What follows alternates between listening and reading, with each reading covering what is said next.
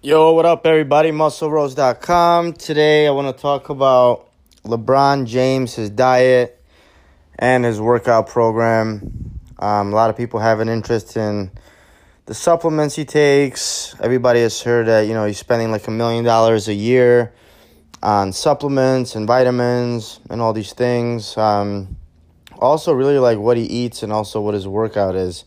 So some of these things are going to be surprising to you. They're also surprising to me, um, mostly in regards to his workout, um, and I'll talk about that in a second.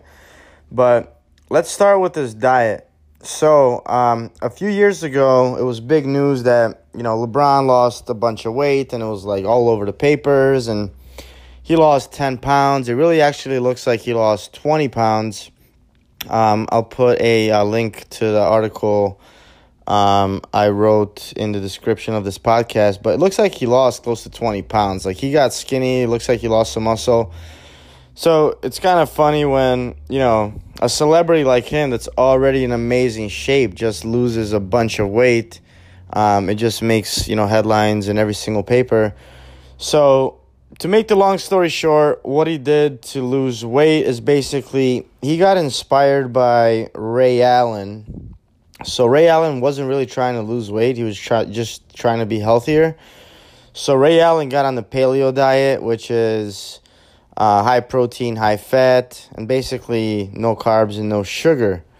So, you know, he told LeBron, I'm feeling great. I have much more energy. My brain feels better, and all of these things. So, that's what LeBron, that's the diet that uh, he went on and uh, he mentions that he did it for 67 straight days, which is like insane. He wanted to test his mental willpower because these things are super hard. If you ever try to do no carbs and no sugar, uh, which everybody probably has, like it's tough. It's easy for a couple days, but you just start feeling weird. Once you stop feeling weird, you actually start feeling better, but then you just say, okay, I lost some weight, so then you just start eating junk again, I guess, or junk, I mean bread. But that's what he did. So he did 67 days with no sugar, no carbs. Like I'm sure he had like some fruit, veggies that have some carbs, but he was really inspired by Ray Allen to lose the weight. And that's and that's what he did. So another reason why, you know, he did that as he was getting older, like he weighed 260 pounds, six foot eight, 260 pounds. Like after years of running, uh, it takes a big toll on your body, and you just need to be lighter um, in order just to have less stress on your body. Um, so your body's not lifting, you know, the 260 pounds every single night. So I think I think he got down to like, you know, he never said how much weight he lost. I don't know why, but you know, regardless, he got he got pretty lean. Um, and I think it was for the agility and longevity reasons. Um, but he did put some of that weight back on. Like your body kind of, you know, it's very hard to maintain that. So your body will kind of want to bounce back on its own. Like if it's not a comfort zone for your body to just be that skinny, um, eventually it'll kind of go back towards where you're supposed to be, I guess. Um, because he's not he's not that lean anymore. So you know, as far as his workout, one of uh, the interesting things is that throughout the season, he works out seven days a week. So he plays basketball every single day. And you might think that, you know, uh, with all the games and stuff, he would be sleeping and resting. Like, I'm sure he gets his rest, but also he plays basketball every single day. And then he also works out seven days a week. So he has like pre game workouts and all these things so he works hard. Like I'm not sure what his trainer has him doing. Uh, it could kind of sound like overtraining to me, but I mean, actually, I do know what his trainer um, has him doing.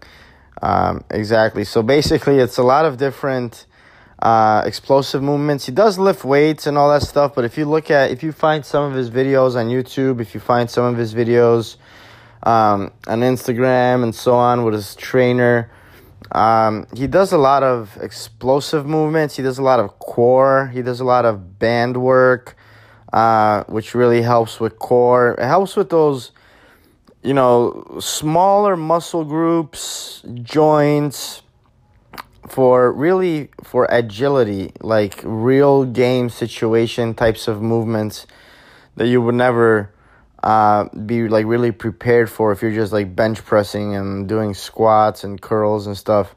Uh, it's really to stay flexible, to have strength as well, not to lose strength. Um, so those are the main exercises that he does. So pregame workouts. Uh, during the off season, he works out five days a week. Um, he gets up at five. Um, you know, and this is just information that's out there. It uh, might be different. You know, I'm sure he doesn't do that every single day, but assuming for the most part he gets up at five, he works out five days a week.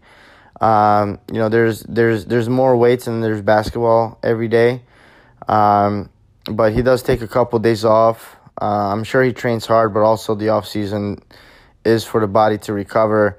If you just if you can just imagine how much stress is on your body playing uh, a game every other night or something similar, it's huge. I mean, if you even played basketball at the park every single day, just you know, you would put you know your body would um, you know be put under a lot of stress. But you know if you if you just think about playing in the NBA at that pace, at that level, uh, with those types of athletes, with that kind of physical uh, activity and the physical wear and tear, um, I can't even like I can't even understand how these guys do it. Um, but they do it because you know they have the genetics and they work hard. But let's just say it's ninety eight percent genetics.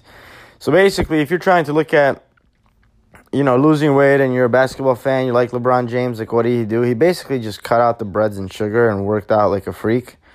That's the simplest way to put it. You don't need to know exactly what he uh, ate and didn't eat. I mean, it was like, uh, you know, fish, chicken, vegetables, and things like that.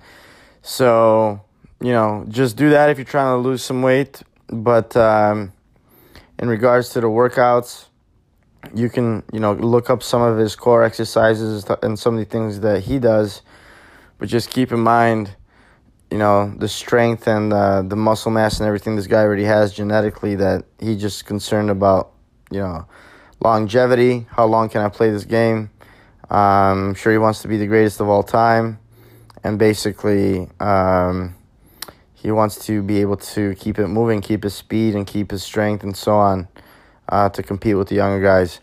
So check out musclerose.com. There's a link in the description for the article.